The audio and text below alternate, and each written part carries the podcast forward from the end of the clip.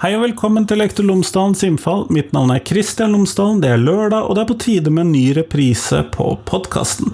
Denne ukens reprise er fra 7. mars 2017, og er et intervju med professor Marie von der Lippe fra Universitetet i Bergen om religionsfagene i skolen. Blant annet at vi har flere religionsfag, og at det egentlig bare er ett man bråker om. KRLE-faget, eller det i grunnskolen, mens det i videregående skole egentlig har vært forbausende rolig, hvis vi setter en sammenligning der. Nå var jo ikke Marie professor når intervjuet ble gjort, da var hun førsteamanuensis, men jeg mistenker at det er riktig å oppdatere tittelen likevel. Nå så satser jeg også på at du vet at podkasten er sponset av Cappelen Dam Utdanning, og hvis du går inn på skolen.cdu.no, så finner du alle de ressursene som Cappelen Dam Utdanning har laget i forbindelse med fagfornyelsen i grunnskolen. Alle tema, alle årstrinn, alle fag, øh, alle tverrfaglige emner, alt sammen, det finner du der inne. Oppgaver, ressurser, alt mulig rart. Det er også mulig at du allerede har tilgang til dette gjennom en avtale skolen skolen din eller kommunen din har med Cappelen Dam, men hvis ikke så kan du jo ta en sånn prøveordning og så teste det ut. Men i hvert fall, det finner du på skolen.cdu.no. Skolen.cdu.no. Men nå, nå får du intervju med Marie von der Lippe, vær så god, hei.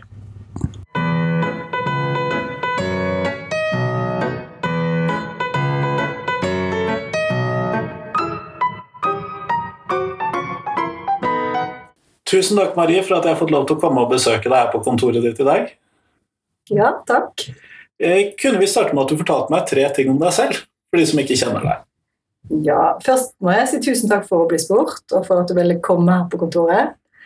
Eh, jeg er religionsviter, eh, fagdidaktiker.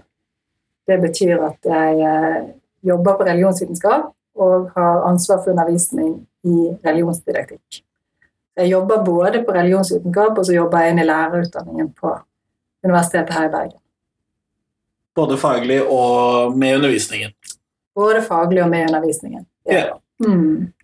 Grunnen til at jeg har kommet for å snakke med deg i dag, er jo religionsfagene i skolen.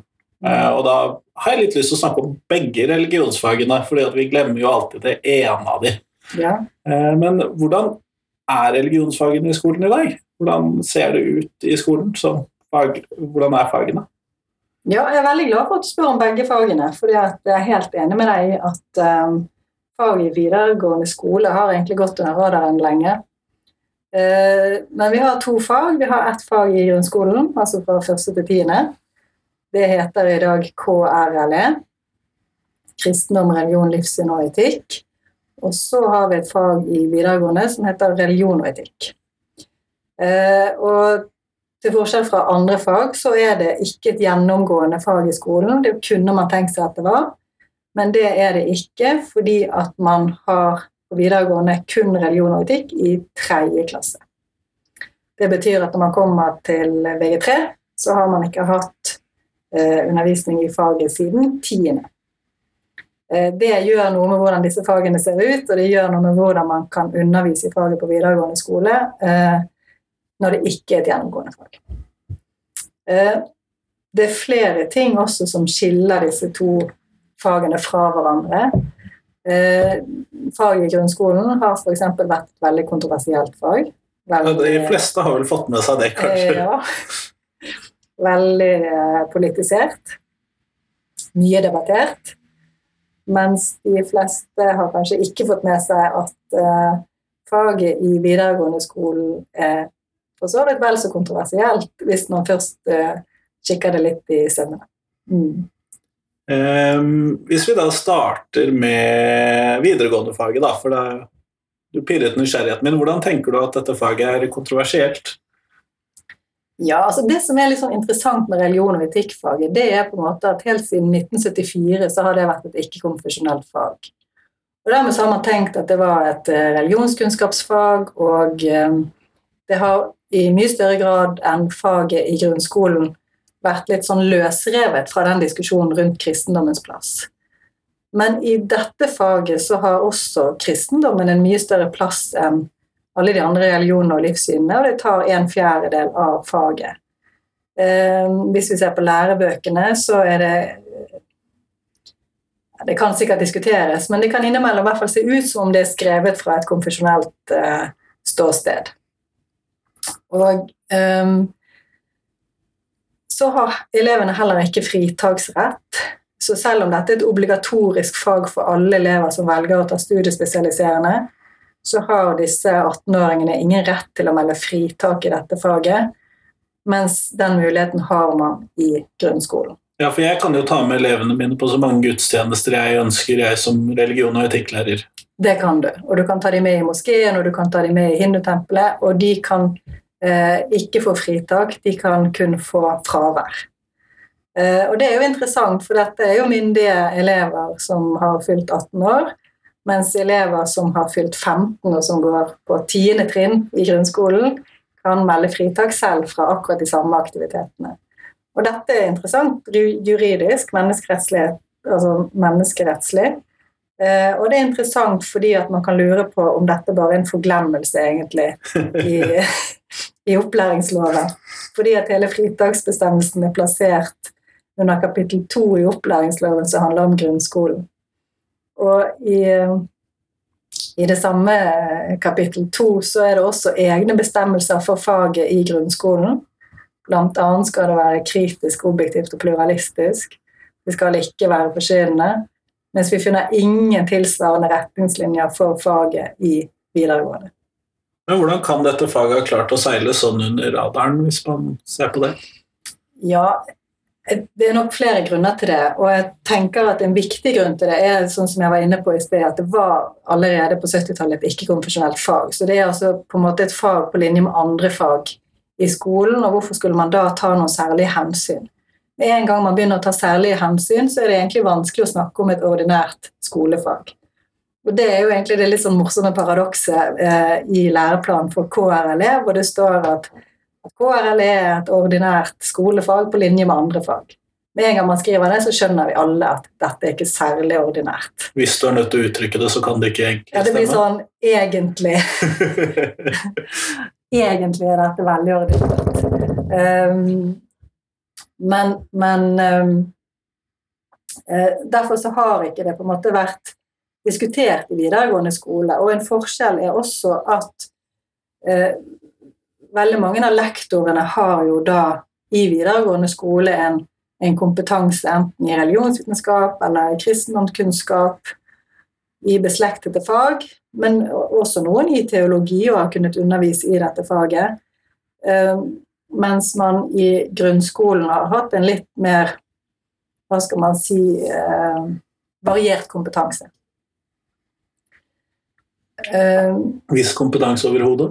Viss kompetanse over hodet. Og det, det, er jo da i videregående et, har i hvert fall vært et større krav til at man skulle ha formell kompetanse i et av disse fagene som, som inngår i, i religionsfaget, eller religion- og livssynsfaget.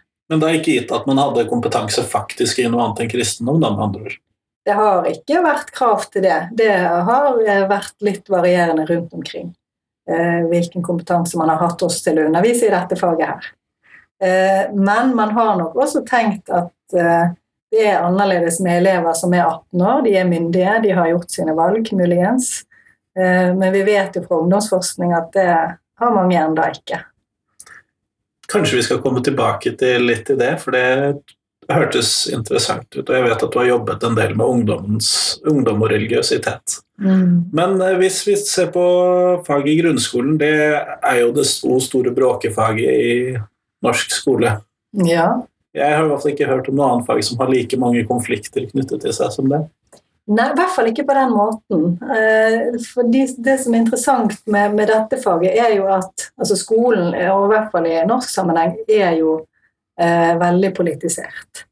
Eh, og det betyr at, at, det er i stor grad politikere og politiske skiftninger som gjør at vi får endringer i skolen.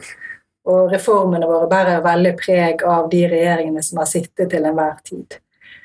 Eh, men når det gjelder akkurat KRLE-faget, så, så, har de vært til dels, og i hvert fall nå i den siste endringen hvor de la til kristendom igjen, helt eksplisitt vært lite lydhøre i forhold til et fagmiljø som etter hvert har, har rimelig god kompetanse på feltet. Og de har eh, på mange måter egentlig eh, valgt å gjøre dette til et, et signalfag eller et symbolfag som er lite forankret egentlig i, i faglige vurderinger. da. Mm. Men vet vi noe om hva som foregår i faget? Fordi eh, Vi vet jo hvordan læreplanen ser ut og hvilke politiske endringer som gjøres, og sånn, men vet vi hva som foregår i faget i skolen? Ja og nei, vil jeg si. Vi har etter hvert eh, en god del forskning eh, i faget, på faget. Eh, en del klasseromsforskning og også en del eh, forskning som har sett nærmere på, på disse skiftningene i læreplanene, og på disse endringene i faget og på disse politiske føringene og sånn. Så det, det finnes ganske mye kunnskap.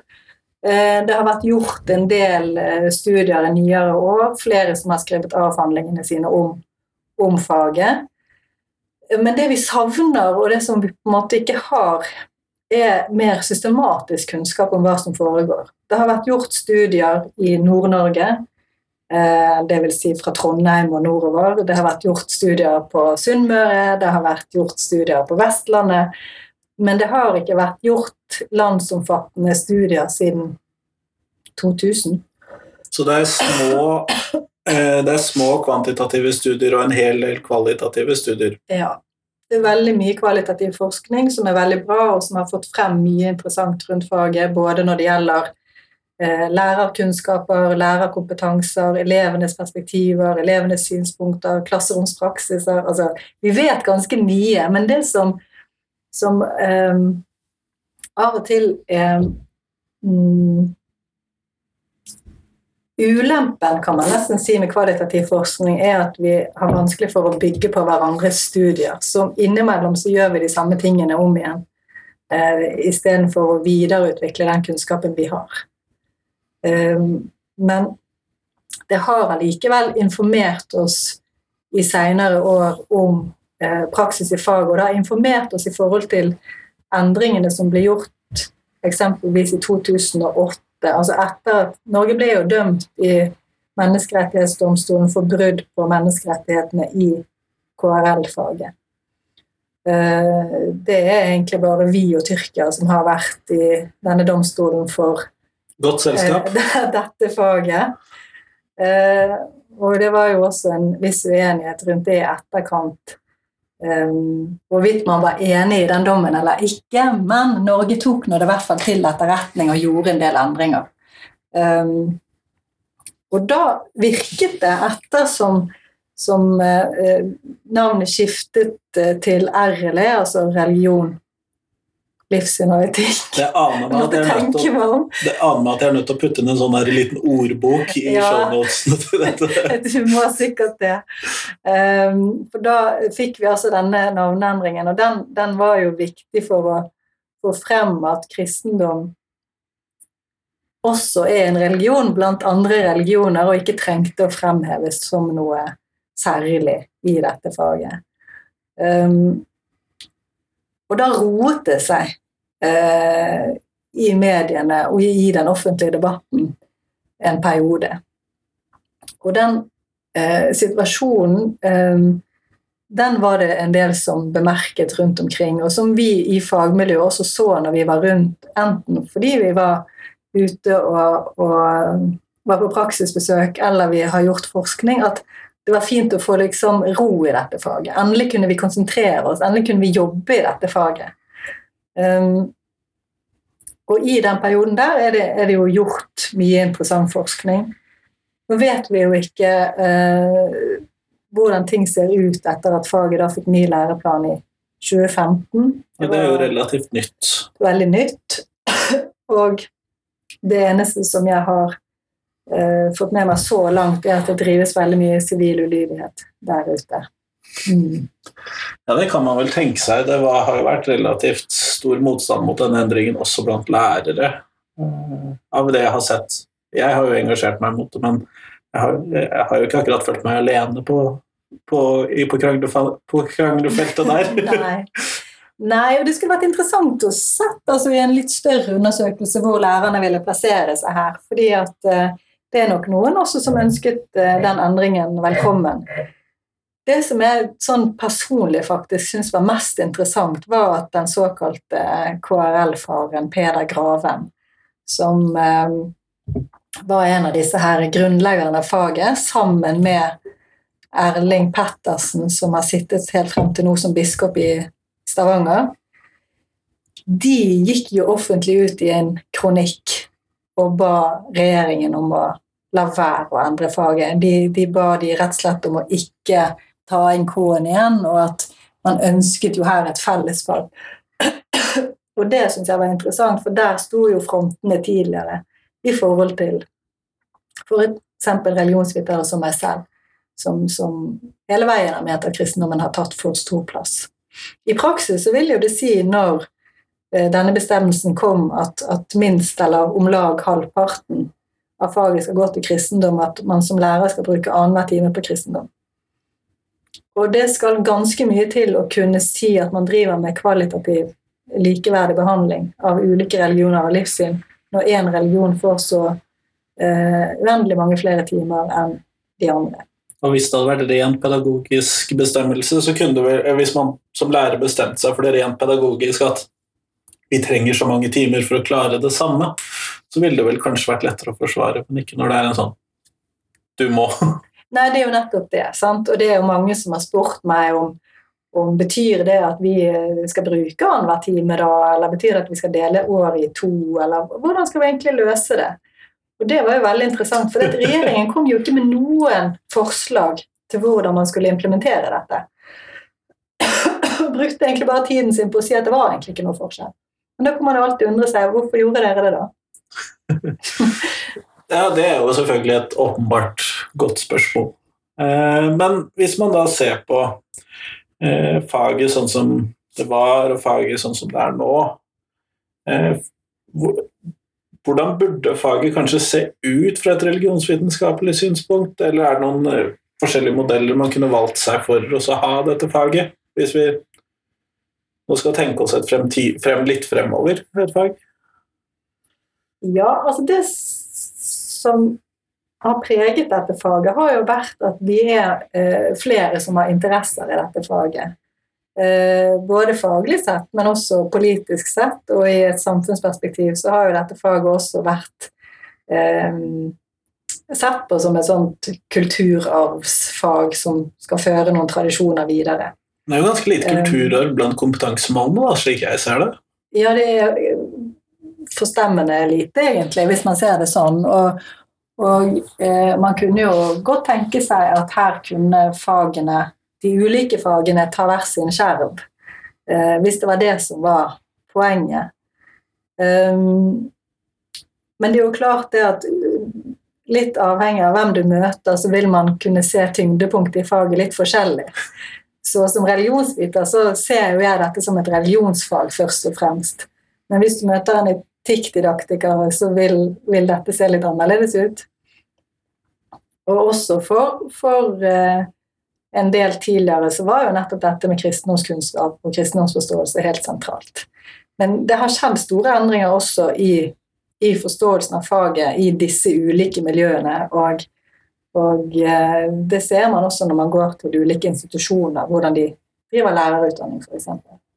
Men med utgangspunkt i religionsvitenskap så tenker jeg at man har et godt utgangspunkt for å kunne se på, på religion som et uh, kulturelt, sosialt fenomen som man helt uavhengig av hvor du eventuelt måtte stå selv, kan studere og kan undersøke og kan utforske som et hvilket som helst annet kulturelt, sosialt fenomen. Og i den verden vi lever i i dag, så er kunnskap om religioner og livssyn eh, sentralt for å forstå de prosesser og endringer som skjer. Og jeg er jo helt også sikker på at hvis man hadde presentert faget for elevene på denne måten her, og latt de få gå ut i verden og se at religion er smurt tynt utover absolutt alt, og la de på en måte ja, oppdage det og avdekke det og bli nysgjerrige på det, så hadde jo dette vært et fag som de syntes var like interessant som flere av de andre samfunnsfagene. Men jeg er jo også av den oppfatningen av at jeg tenker at Eh, det ikke skal legges inn under samfunnsfag, eh, fordi jeg tenker at man trenger eksperter i faget. Og det er fordi at som religionsvitere har vi en helt annen kompetanse til å se religion i ulike sammenhenger, til å kunne se de sammenlignende perspektivene, eh, og til å kunne se det eh, ja, litt sånn på tvers og kryss av, av geografiske og kulturelle skillelinjer. Så jeg er redd for at hvis samfunnsviterne tar det, så blir det veldig historisk forankret. Eller det kan gjerne bli samtidsstudier eh, også, men, men, de vil allikevel ikke kunne ha den komparasjonen som, som religionsvitere eller andre med religionsfag har. Ja, det er jo et relativt bredt fag sånn religionsvitenskapelig, da, for det er jo ganske store eh, temaer som tas opp sånn mm. på en sånn breddenivå. Mm. Men eh, hvorfor tenker du at faget er viktig? Ja, jeg tenker, jeg tenker nok at det er viktig både som et, et kunnskapsfag og som et holdningsfag, eller danningsfag, da.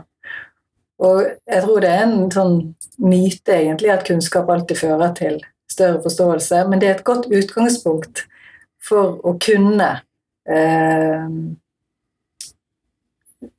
hva skal jeg si diskutere og reflektere rundt en del spørsmål som i dag virves opp. Og jeg tror at i et flerkulturelt samfunn, i et flerreligiøst samfunn, i et pluralt livssynssamfunn Hvilket begrep så, man vil bruke. Uansett hva man bruker, så tenker jeg at det kan være en god inngang å ha kunnskap om ulike religioner og livssyn. Og um, i skolen så tenker jeg også at det er en møteplass for å kunne diskutere og for å kunne prøve ut ulike posisjoner. Um, og syns at det å, å, kunne snakke om en del spørsmål knyttet til religion og livssyn eh, kan være av interesse for elevene, men også viktig. Eh, og Da er vi tilbake til det at jeg har forsket på ungdom og religion, og vi vet ut fra disse undersøkelsene som, som vi da gjorde i åtte europeiske land, at skolen er en av de få arenaene hvor ungdom faktisk får snakket om religion. Eh, og hvor de får møte andre synspunkt, andre posisjoner, men stort sett innenfor trygge rammer. Og det er klart det at det å, å, å kunne på en måte få um, diskutert dette innenfor rammer der læreren har en viss styring og en, en viss kompetanse til å håndtere ulike svar og posisjoner, da, eh, det kan gjøre noe med hvordan elevene ser verden, rett og slett. Mm. Men òg hvordan de forstår seg selv og sine egne praksiser. Og...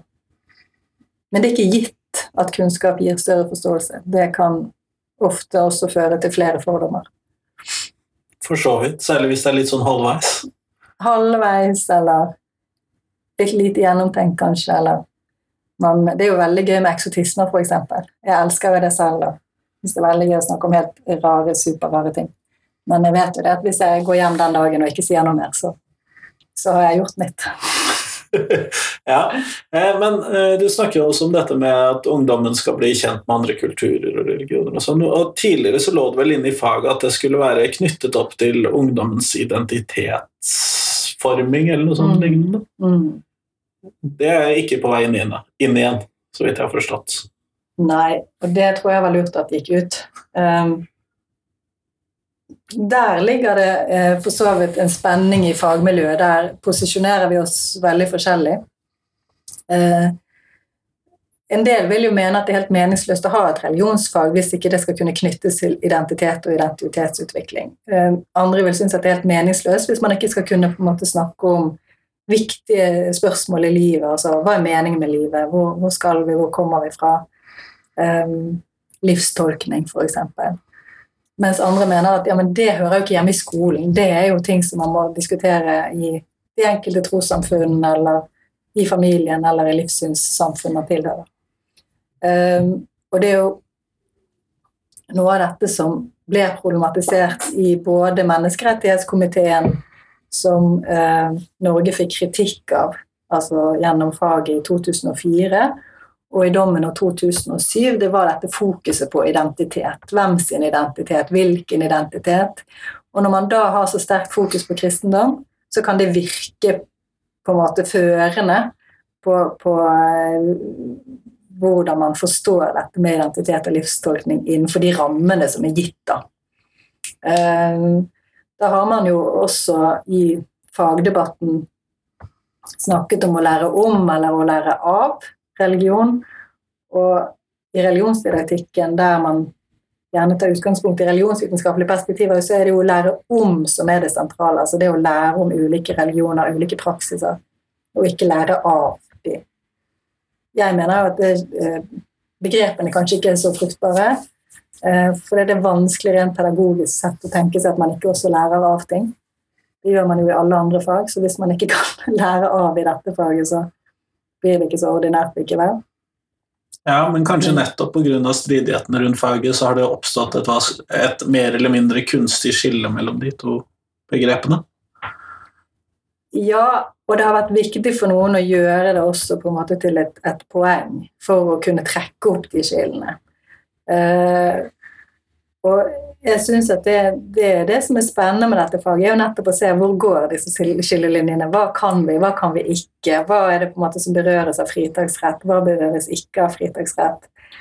Skal elevene kunne snakke om eget livssyn i klasserommet, eller skal vi stoppe de, eller og, og, hva gjør vi, og hvordan håndterer vi disse situasjonene der og da, som lærere? Eh, det er jo det jeg syns er spennende. Men, men det igjen, altså det ble helt spesifikt pekt på at uh, identitetsaspektet var for uh, tydelig fremme i dette faget, så det ble nedtonet. Og jeg satt i den læreplankommisjonen uh, i 2004 i forbindelse med Kunnskapsløftet, og da var direktivet rett og slett fra regjeringsadvokaten at man skulle få vekk alt språk som var knyttet til identitet. Og hvis vi da beveger oss Man så allerede hvor veien gikk? Man så hvor veien gikk, og, og det var helt klart altså, at eh, problemet for, for, norske myndigheter var at man hadde valgt en eh, kristen formålsparagraf eh, der det sto at eh, elevene skulle oppdras i kristne og humanistiske verdier. Man hadde valgt et fag med en stor kvantitativ vekt på kristendom. Og man hadde valgt eh, begrenset fritak. De tre tingene til sammen gjorde det vanskelig for norske myndigheter å kunne forsvare at dette faget ikke var preget av en type ikke nødvendigvis forkynnelse, men i hvert fall eh, påvirkning. Uh, ingen av de tre tingene var galt i seg selv, men til sammen så var det vanskelig.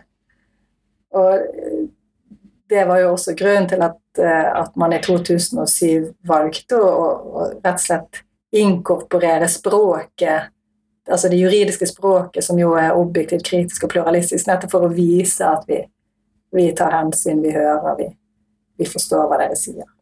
Vi føyer oss. Vi føyer oss. Ja, det, det gjorde Norge i dette tilfellet her. Og det har preget faget, og det har preget fagmiljøet, og det har eh, også preget praksis eh, i skolen når det gjelder dette faget. Det er et veldig annet fag på mange måter, det vi ser i, i dag, og det vi så når det først eh, ble innført i 1997.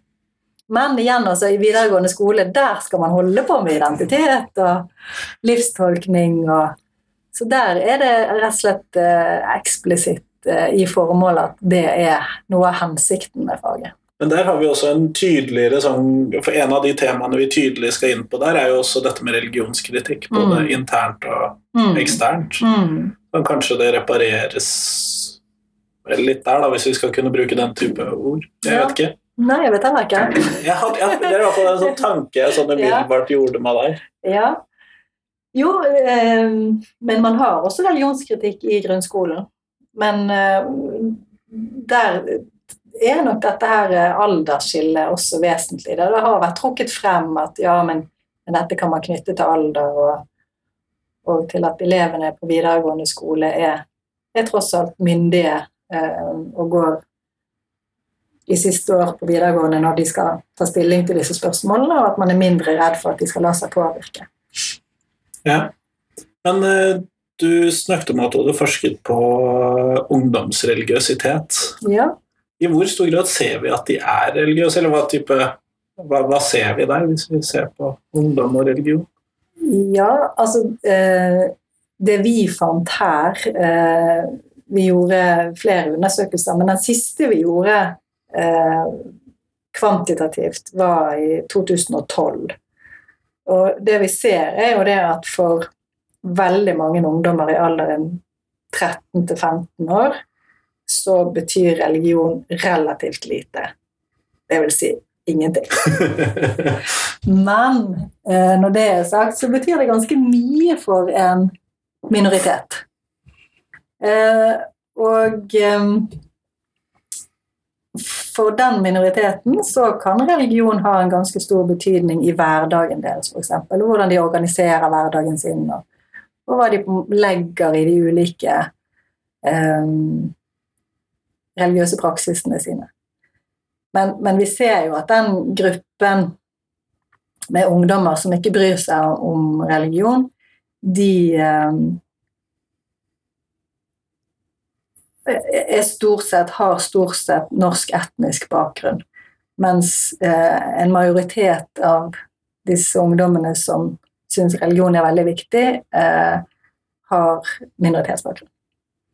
Eh, men vi ser også i den gruppen der særlig karismatisk kristne ungdommer at, at de har mye til felles med muslimske ungdommer, f.eks.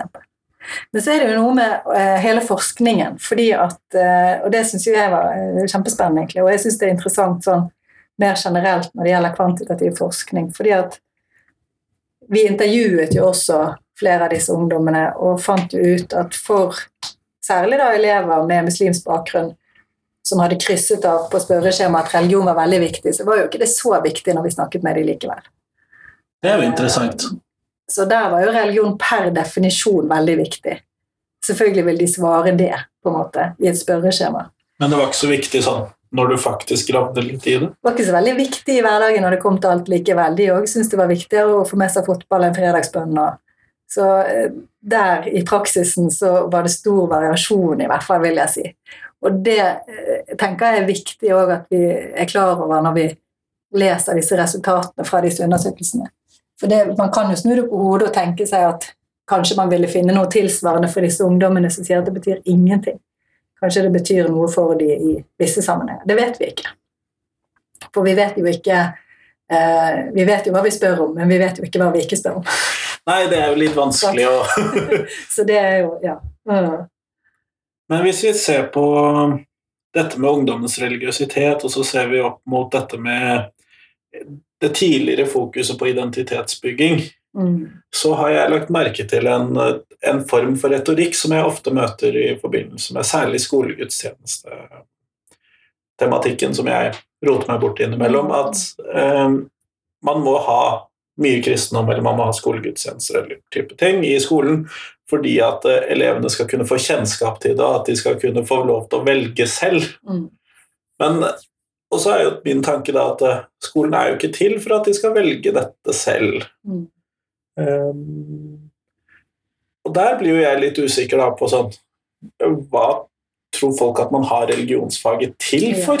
Ja. Mm. Og da lurer jeg litt på også på, fordi at politikerne utgjør jo et forholdsvis tverrsnitt av befolkningen på en eller annen måte. Mm. Hva tror de om dette? Mm. mm.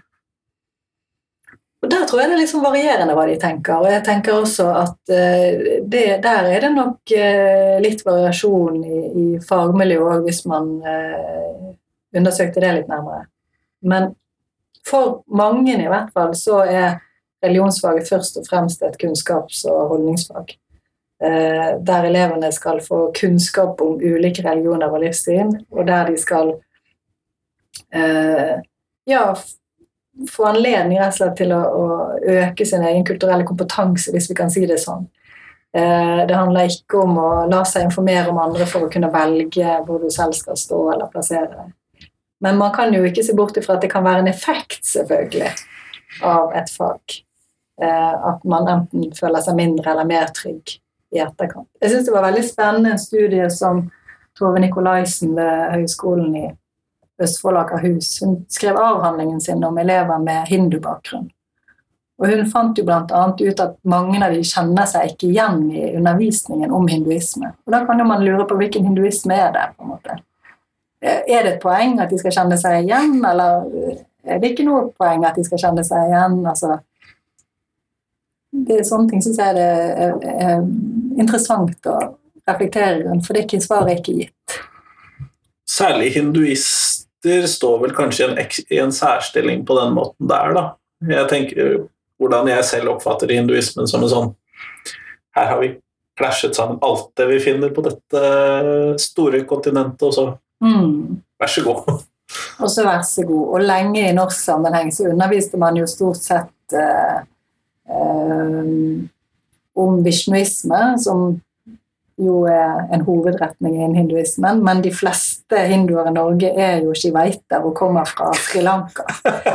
Så eh, ja, igjen altså, hvilken, hvil- hvilke religioner skal man da undervise i? Hvem sin religion er det? Har det noe å si at det sitter elever med den bakgrunnen i klasserommet? Har det ingenting å si?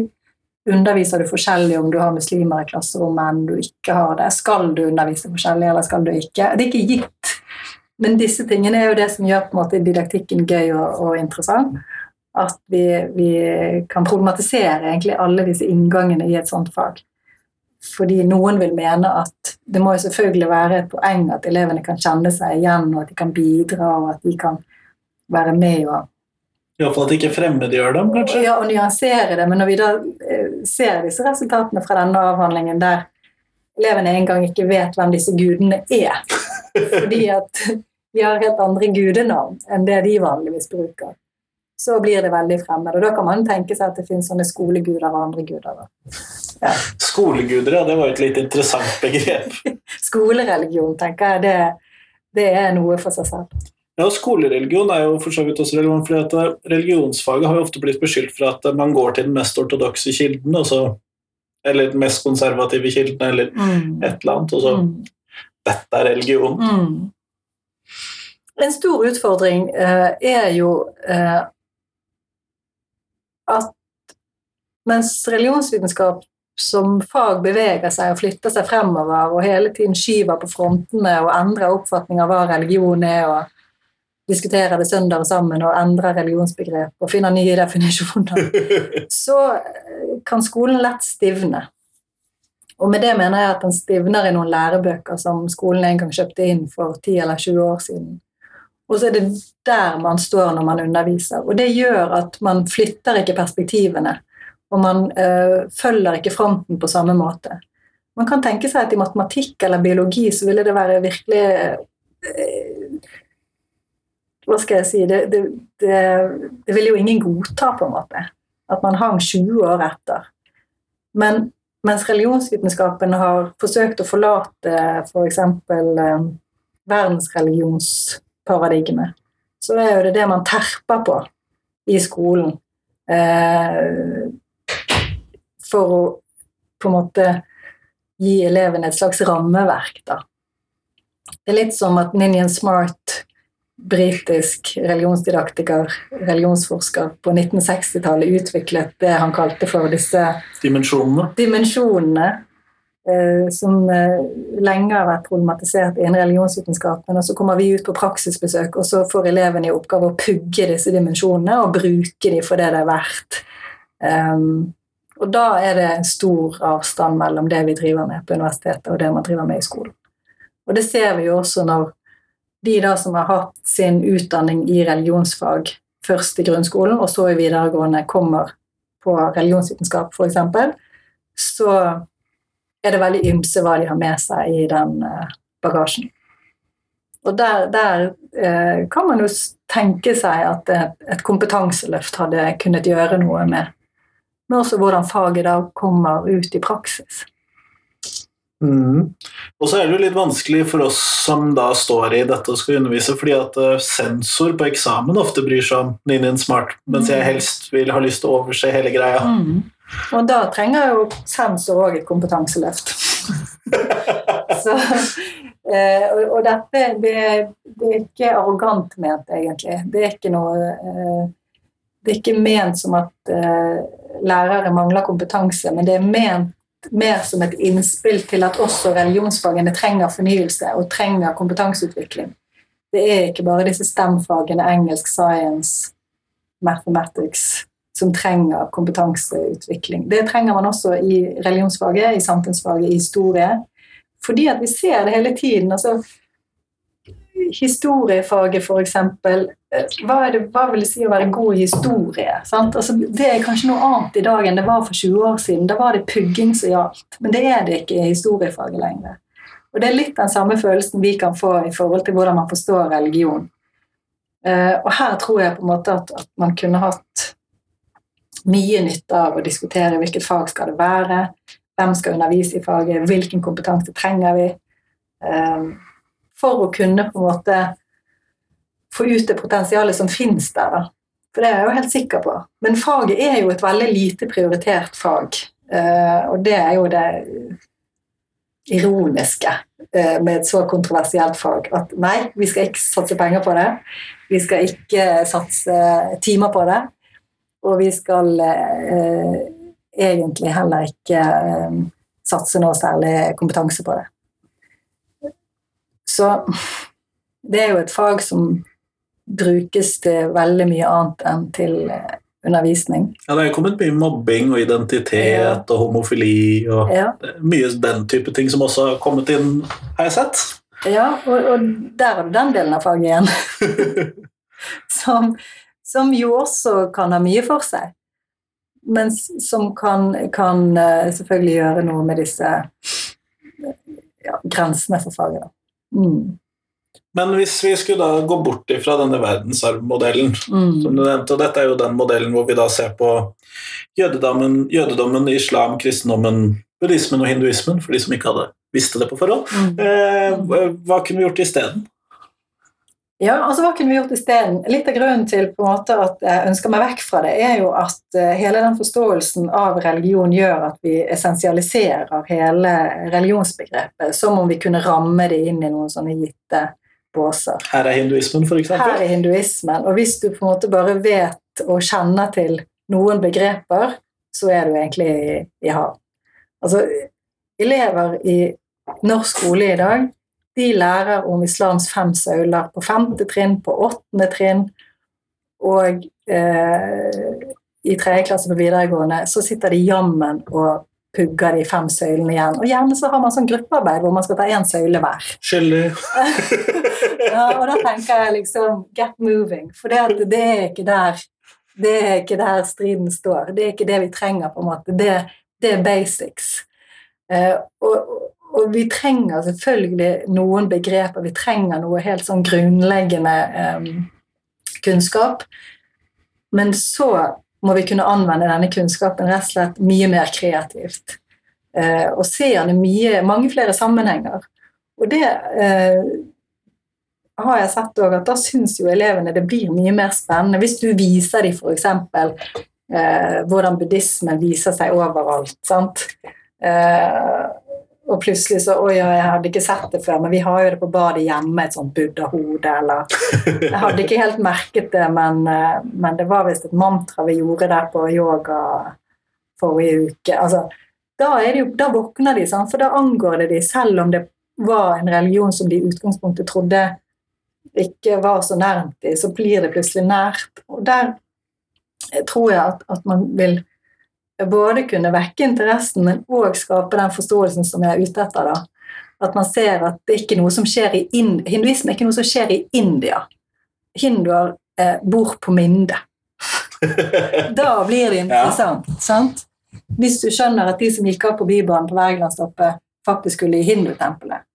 Da begynner det å, å, å komme nærmere, og da begynner det å bli aktuelt. Og da blir det et eller annet som, som sprenger disse verdensreligionsbegrepene og, og gjør at man i mye større grad kan, kan eh, utforske det her.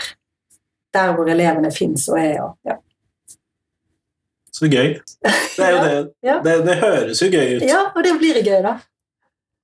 Eh, For å så avslutte denne podkasten, så lurte jeg på om eh, du kunne svare på det faste spørsmålet mitt. Og det er rett og slett hvis du hadde fritt mandat og fritt budsjett, litt diktatorisk myndighet inn i norsk skole her nå, eh, hva ville du gjort da? Hva ville du startet med? Ja, altså, jeg er jo ikke så uh, fantast i forhold til dette faget at jeg tenker at alle pengene skulle brukes her. Det, det må jeg innrømme. Uh, og jeg kan godt diskutere dette faget sin rolle og plass og legitimitet uh,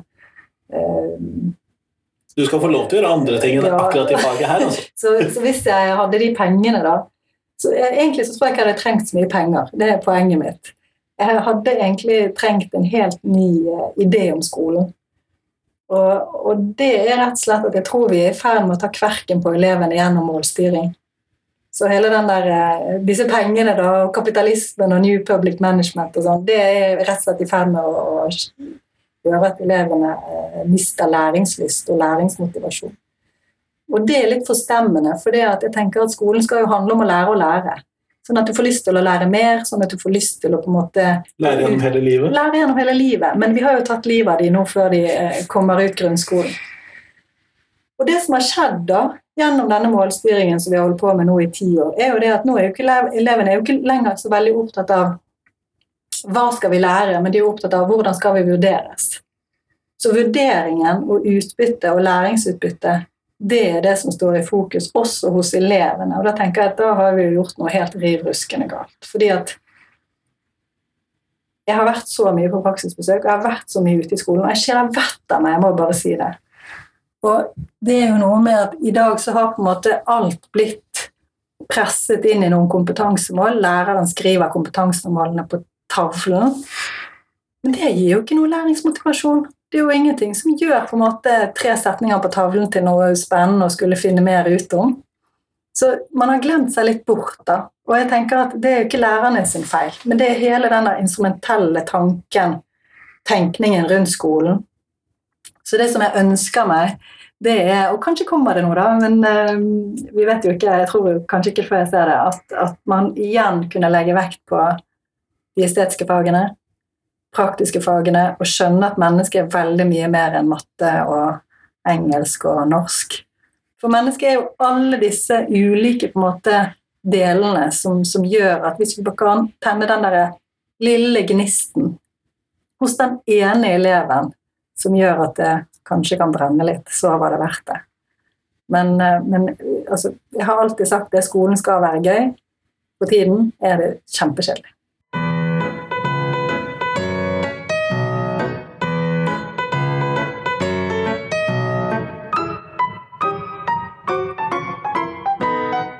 Tusen takk til Marie, og tusen takk til deg som hørte på. Nå er det fram til tirsdag, så kommer det et ordinært intervju på podkasten, og det satser jeg på at du blir glad for. Men neste lørdag så kommer det en ny reprise på podkasten. Det tror jeg blir veldig bra.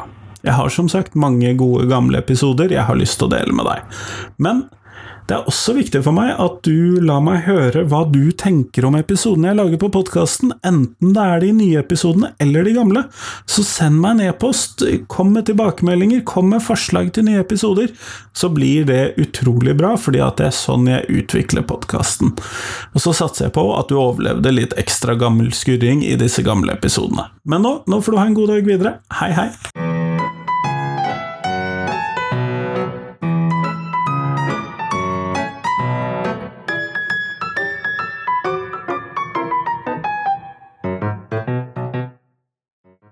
Husk at eh, jeg trenger tips om hvem som jeg kan ha med på podkasten. Det hjelper utrolig mye. Vi høres!